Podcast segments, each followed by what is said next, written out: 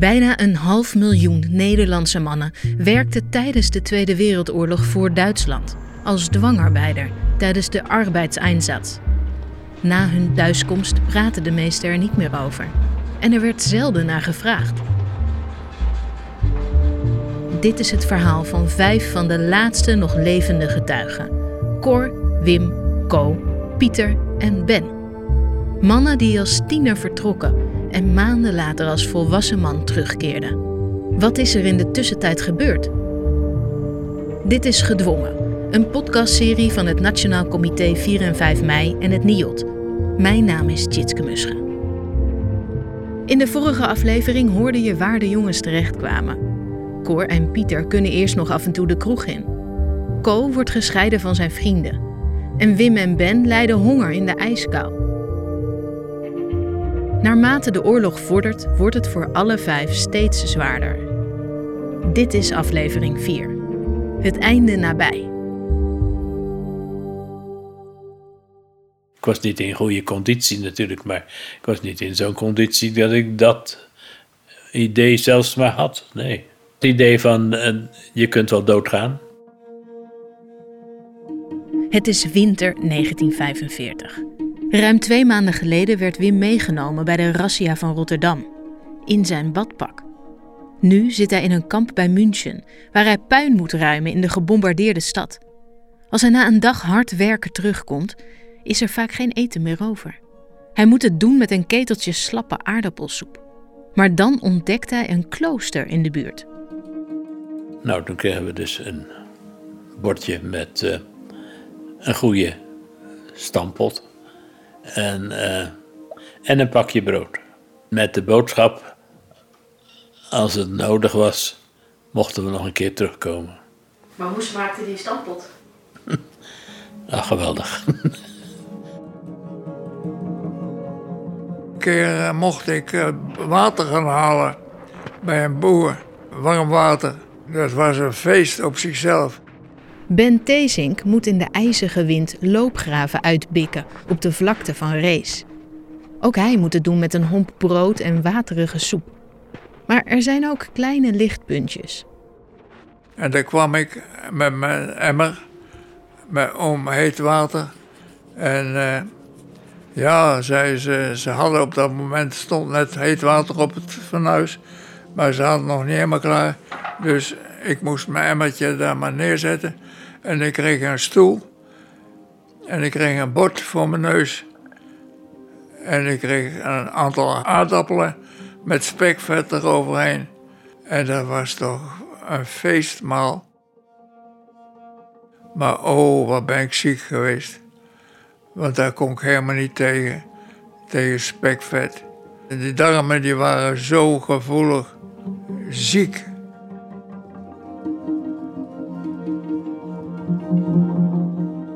In de laatste maanden van de oorlog wordt Duitsland flink gebombardeerd door de Amerikaanse en Britse luchtmacht. Het is natuurlijk wrang dat dwangarbeiders uit bezette gebieden gebombardeerd worden door de bevrijder. Wim Missel. Je had wel het idee van, waarom moet het zo? Dat er een oorlog aan de gang was, kon ik nog wel begrijpen.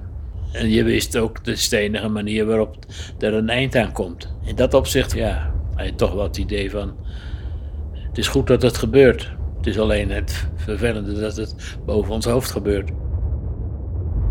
Van de Poolse krijgsgevangenen in het kamp leert Wim waar je veilig zit tijdens een bombardement.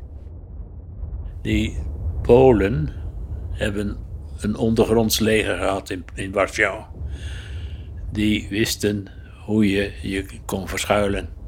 En die wisten dat je in de riolen naar beneden kon daar ligt allemaal kleine beugeltjes. waar je zo naar beneden kunt. En dat ging tot, zeg maar, tot ongeveer 15 meter diep. En daar zit je veilig als er gebombardeerd werd. Moest zorgen dat je een plankje bij je had, zodat je niet met je voeten in het water hoefde te zitten. Maar dat je net, net er even buiten bleef en zo. En men je zat wel in donker. Dag en nacht uh, luchtalarm. In de vorige aflevering hoorde je nog hoe Cor van Dijk puin moest ruimen na een bombardement op een crash in de buurt van Nuremberg in Zuid-Duitsland. Daarna houden de bombardementen niet meer op. Het laatste half jaar was een, was een bijzonder slecht eh, gedeelte van die tijd. Ja. En dan de angst, want er was ook geen postverkeer meer met thuis. Die was er al van september 44 al niet meer. Die wist helemaal niet meer hoe het er thuis gesteld was. Dus dat gevoel had je dus ook, hè, van, van hoe zou het daar gaan. En, uh, ja, dat wist je niet. Op de wijnboerderij waar Cor woont, wordt geschuild in een wijnkelder. Daar komt iedereen uit het dorp als het weer zover is. En al die mensen uit dat hof, die, die hadden gewone huizen, geen kelder. Die kwamen met hun kinderen ook in diezelfde kelder dus. Dus s'nachts was het daar een, een, drukte van belang. Allemaal bedden en, en uh, die kinderen huilen en, en tekeer gaan. En uh, de vrouwen ook trouwens. Want ja, mannen waren er niet meer. Ik heb één keer een bombardement meegemaakt. Daar ook, dus. Daarvoor. En toen uh, kon ik het in de kelder niet uithouden. Met al die kinderen en dat gekrijs en gedoe. En het was een enorm zwaar bombardement, dat lag vlakbij ons. Dat bombardementen gebeurde dus boven ons. Werden de bommen gelost. En toen kreeg ik daar zo benauwd in die kelder, want dat was een lawaai van je welste. Dus ik ben eruit gevlucht. Naar buiten toe, was ook niet verstandig. Toen ben ik achter een muurtje van een schuur gekropen. En dan heb ik het heel benauwd gekregen.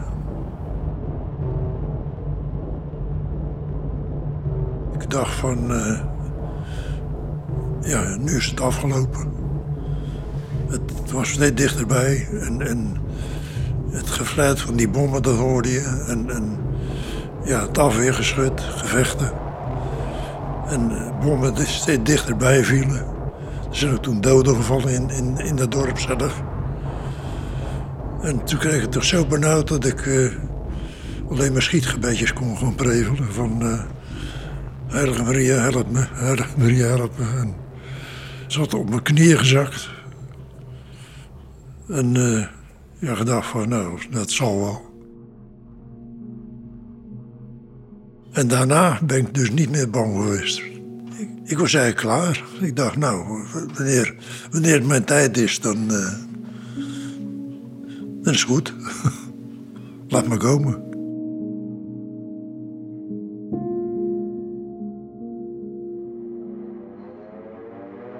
Ja, je had natuurlijk luchtalarm. Ook Co Knuppelder, die in de vorige aflevering gescheiden werd van zijn vrienden, maakt bombardementen mee. Hij zit dan in de buurt van Berlijn. Berlijn is bijna net zo groot als de provincie Utrecht. Ja, het is wat dat betreft. Uh, ja, vielen de bommen wel kilometers verder. Maar je hoorde de klappen natuurlijk wel, hè. Al het personeel dat ging in een bunker. En het was hoofdzakelijk allemaal Russinnen. Nou, die vrouwen konden zingen, zeg. Prachtig. Wat zongen ze dan? Ja, Russische liederen natuurlijk. Hè. Met de, ook met dansen en dergelijke. Ja, dat was prachtig, prachtig. Dus dan zaten jullie te schuilen in de kelder? En dan... In, in, in de schuilkelder, ja. En dan gingen zij... Uh... Dan gingen, gingen hun zingen. Ja, prachtig was dat. Verderop, in het centrum van Berlijn, zit Pieter Bauma, de student die maar weinig te doen heeft in de fabriek waar hij werkt. Waar hij zit vallen er wel bommen. Dan moest je zien in een schuilplaats te komen. Als er alarm was, dan had je 35 minuten.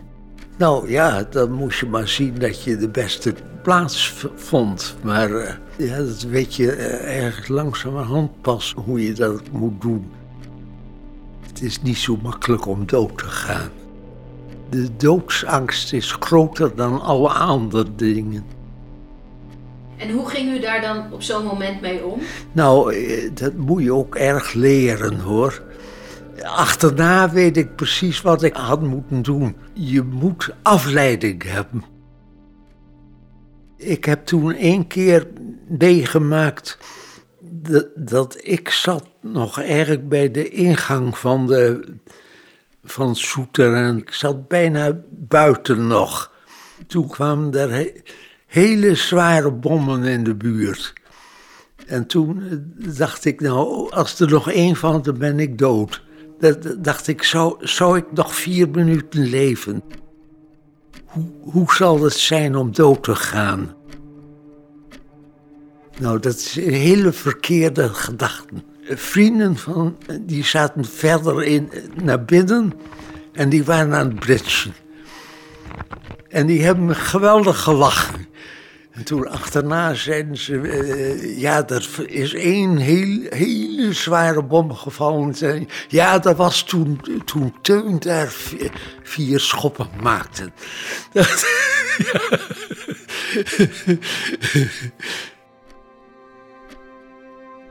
Pieter krijgt elke week een brief van zijn moeder. Zelf schrijft hij zo min mogelijk over wat hij meemaakt. Maar ik heb ze nooit naar huis geschreven. Echt, uh, hoe angstig die uh, bombardementen waren. Heb ik nooit zo exact geschreven. Mijn vader was zwaar tillend hoor. Ja, die waren bang dat ze allebei nooit weer terug zouden zien. Het zijn niet alleen de bombardementen die Pieter in gevaar brengen. Er gingen eh, van die uh, besmettelijke ziekten rond ja, die nogal gevaarlijk zijn. Ik ken de naam, het is roodvonk en difterie. Van die studenten die naar Duitsland gestuurd worden, er is één op de twintig is er omgekomen. Daarvan de grootste massa door ziekte. Ik heb mijn ontsteking aan de voet gekregen. Ja, de hygiëne was daar natuurlijk ook slecht. Je moest daar ook veel lopen en dat was niet goed voor die voet. Ik heb toen uh, uh, zelfs nog een lymfklierontsteking gehad. Zijn broer Ben is arts in het ziekenhuis in Berlijn en heeft het daar relatief goed. Maar hij is bezorgd om Pieters gezondheid. Hij dacht, hij kan ook wel straks uh, dat hij er niet meer is. Pieter speelt met het idee om te vluchten. Maar hij ziet bij een kampgenoot die dat probeert wat er gebeurt als je dan gepakt wordt. Nou, en toen is hij in zo'n kamp gekomen. En uh, toen ik terugkwam, toen kon je hem haast niet herkennen. Het was helemaal ingevallen en die hebben ze zo ontzettend te pakken gehad daar. Het is als je in zo'n kamp kwam, één op de drie ging dood. Degene die, waar wat al mankeerde, die ging dood. Want dan uh, kreeg je geen rust, dan, dan werd die ontsteking hoe langer hoe erger. En dan ging je daaraan dood. Dan komt zijn broer Ben met een plannetje. Hij kan als arts af en toe nog op verlof naar Nederland. En Ben zei: Jij gaat op mijn papieren. Wist precies die dag dat de trein ging. En op die dag ben ik gewoon ochtends ben ik met de anderen opgestaan. Nou, gewoon uh, aankleden. Nou, dan zouden we naar de fabriek gaan. En we gingen allemaal de deur uit en ik ging een beetje opzij naar het station. En zo weet Pieter te ontsnappen uit Duitsland. was heerlijk dat ik helemaal vrij was.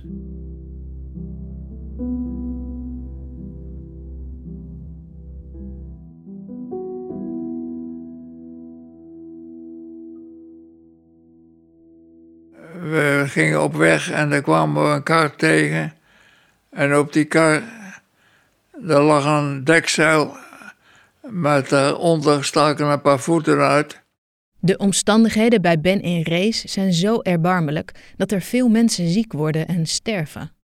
Toen we de eerste kampdoden zagen, werd je wel bewust dat het een kritieke toestand was waarin je terechtgekomen was.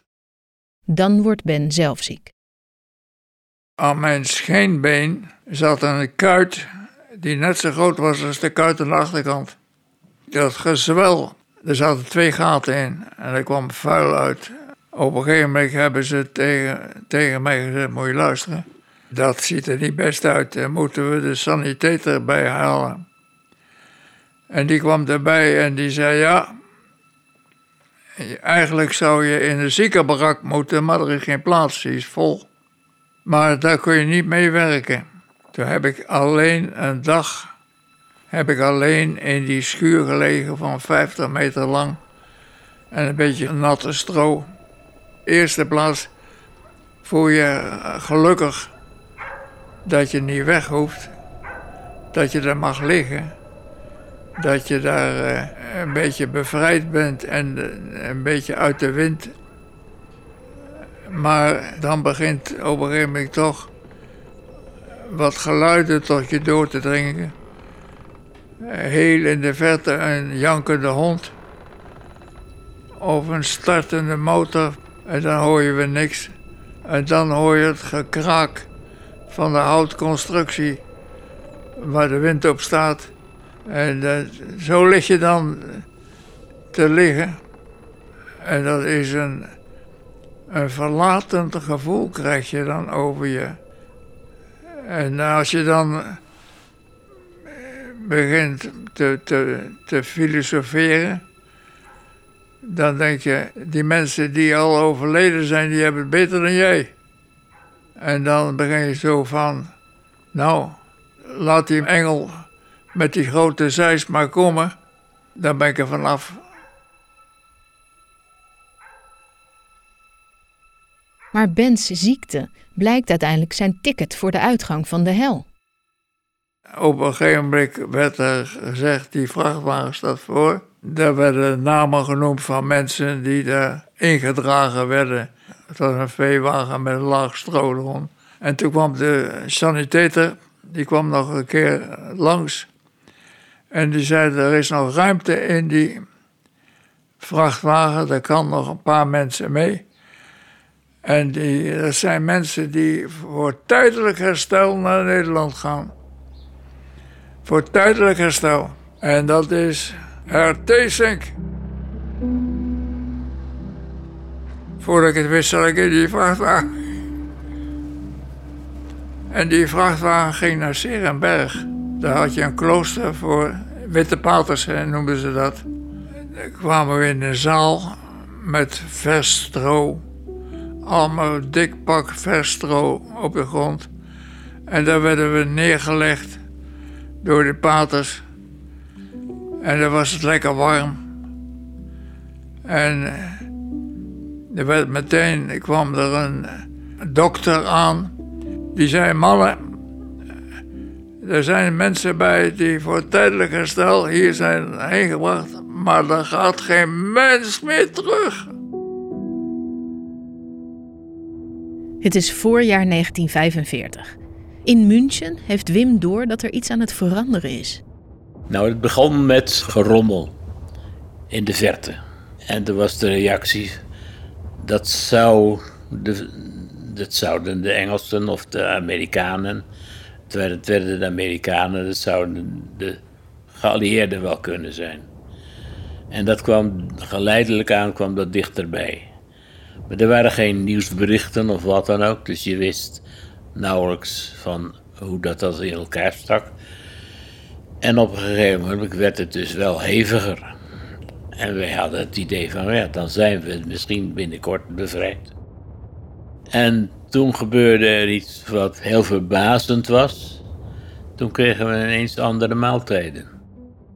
En dat hield niet in dat je zegt wat een luxe of iets dergelijks. Maar gewoon een aardappeltje en, en een beetje appelmoes. Appelmoes, ja. Kom uit blik. Ja, dat is uh, het beste wat, wat er te bedenken is. In het dorp waar Cor verblijft rijden op zeker moment Amerikaanse tanks binnen. Er was zelfs één zo'n uh, knul, dat was ook een Nederlander, die had zelfs een Nederlandse vracht wat die bij zich. Die sleepte die mee naar de, naar de hoofdstraat waar ze voorbij kwamen. Die ging met die vlag staan zaaien. Prachtig. De Duitse bezetting mag dan ten einde zijn. In de kampen is het een chaos. Ook in het kamp van Wim bij München. De eerste weken is alles zo onduidelijk dat hij maar in het kamp blijft. Dat verandert begin mei 1945. We zeiden, we moeten wat. Want wie brengt ons weg? Er is niemand die ons ophaalt, want niemand weet dat we hier zijn. Wim weet met wat mannen een handkar te regelen. Voordat ze vertrekken uit München gaan ze een laatste keer op strooptocht door de stad, op zoek naar voedsel voor onderweg. En uiteindelijk, toen we helemaal uh, in de binnenstad kwamen, daar zaten hele grote bierbrouwerijen.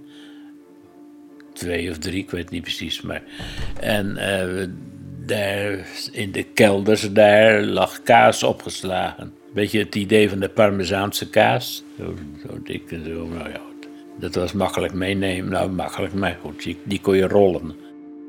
We hebben ook nog gevonden dat daar een soort smeerkaas stond. Maar dat was uh, stinkende kaas. Dus daar hadden we toch niet zo'n behoefte aan. En nou ja, dan ga je uitzoeken van hoe, waar zitten we ergens.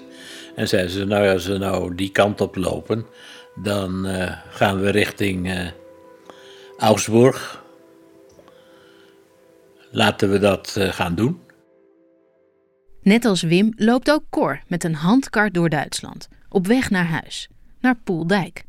Toen zijn we dus zondags erop, dat was eerste paasdag, zijn we met een paar lekker roeiboten zijn we de Rijn overgestoken.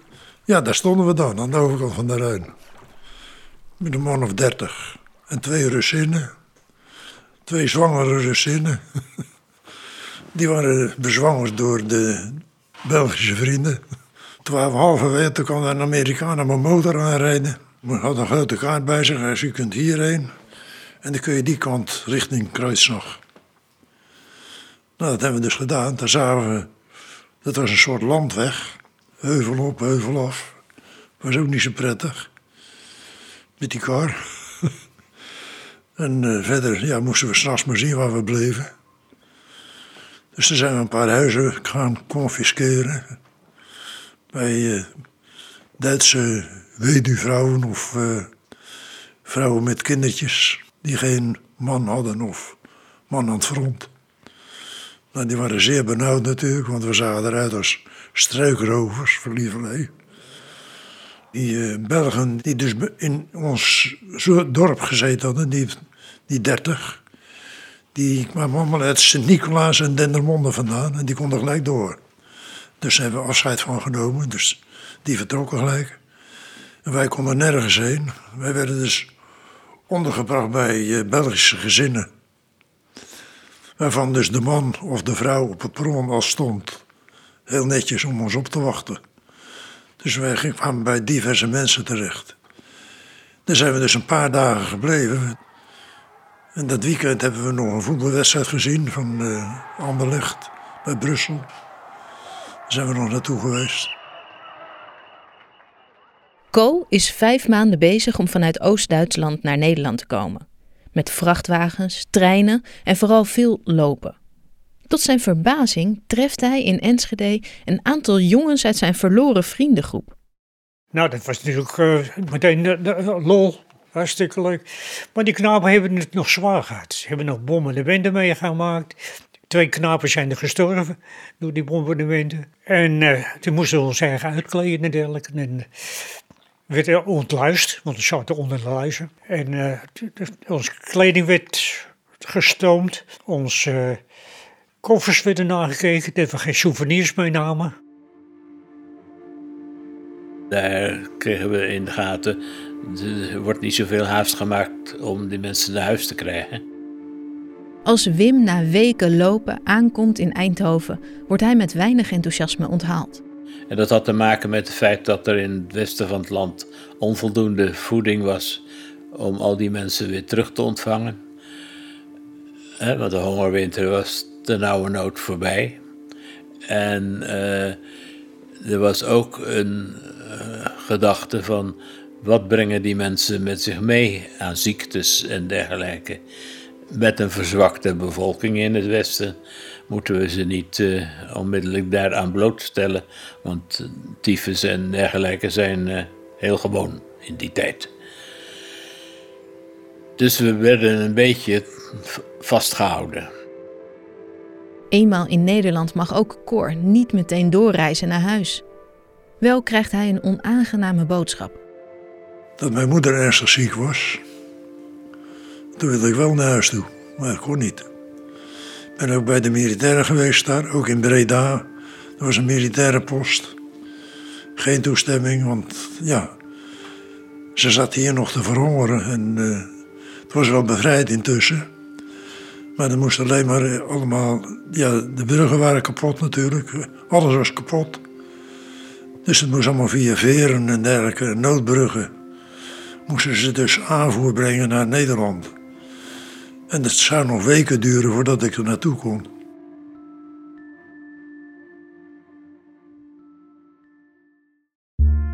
Zou Cor op tijd bij zijn moeder komen?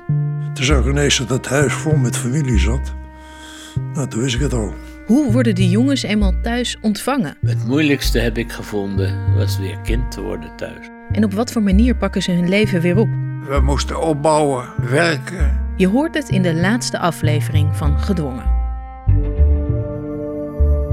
Gedwongen is een podcast van het Nationaal Comité 4 en 5 mei en het NIOD, geproduceerd door Aldus Producties. Research Renske Krimp, advies Christian van Emden en Frank van Vree. De muziek is van Darius Timmer en de mix en het sounddesign van Ruben Dekker. Eindredactie Emmy Colau. En mijn naam is Jitske Musche.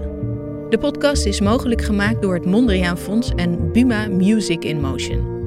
Veel dank aan Cor van Dijk, Co Knuppelder, Pieter Bauma, Wim Missel en Ben Tezink voor het delen van hun verhaal. Wil je meer weten of reageren? Kijk op www.4en5mei.nl slash gedwongen. En vond je de podcast mooi? Laat dan een review achter in je podcast-app. Dat helpt ons om de podcast beter vindbaar te maken. Of delen met je vrienden en familie. Ik had echt heerlijk jeugd totdat ik 13 was. Ik ben Maarten Dallinga. En voor het Nationaal Comité 4 en 5 mei maakte ik Vrijheid Volgens. Ik heb uh, met mijn familie twee oorlogen meegemaakt en gezien. En ik vind het meer dan genoeg. Een zesdelige podcastserie waarin ik mensen interview die ooit voor oorlog of onderdrukking naar Nederland vluchten. En daar kon ik niet tegen.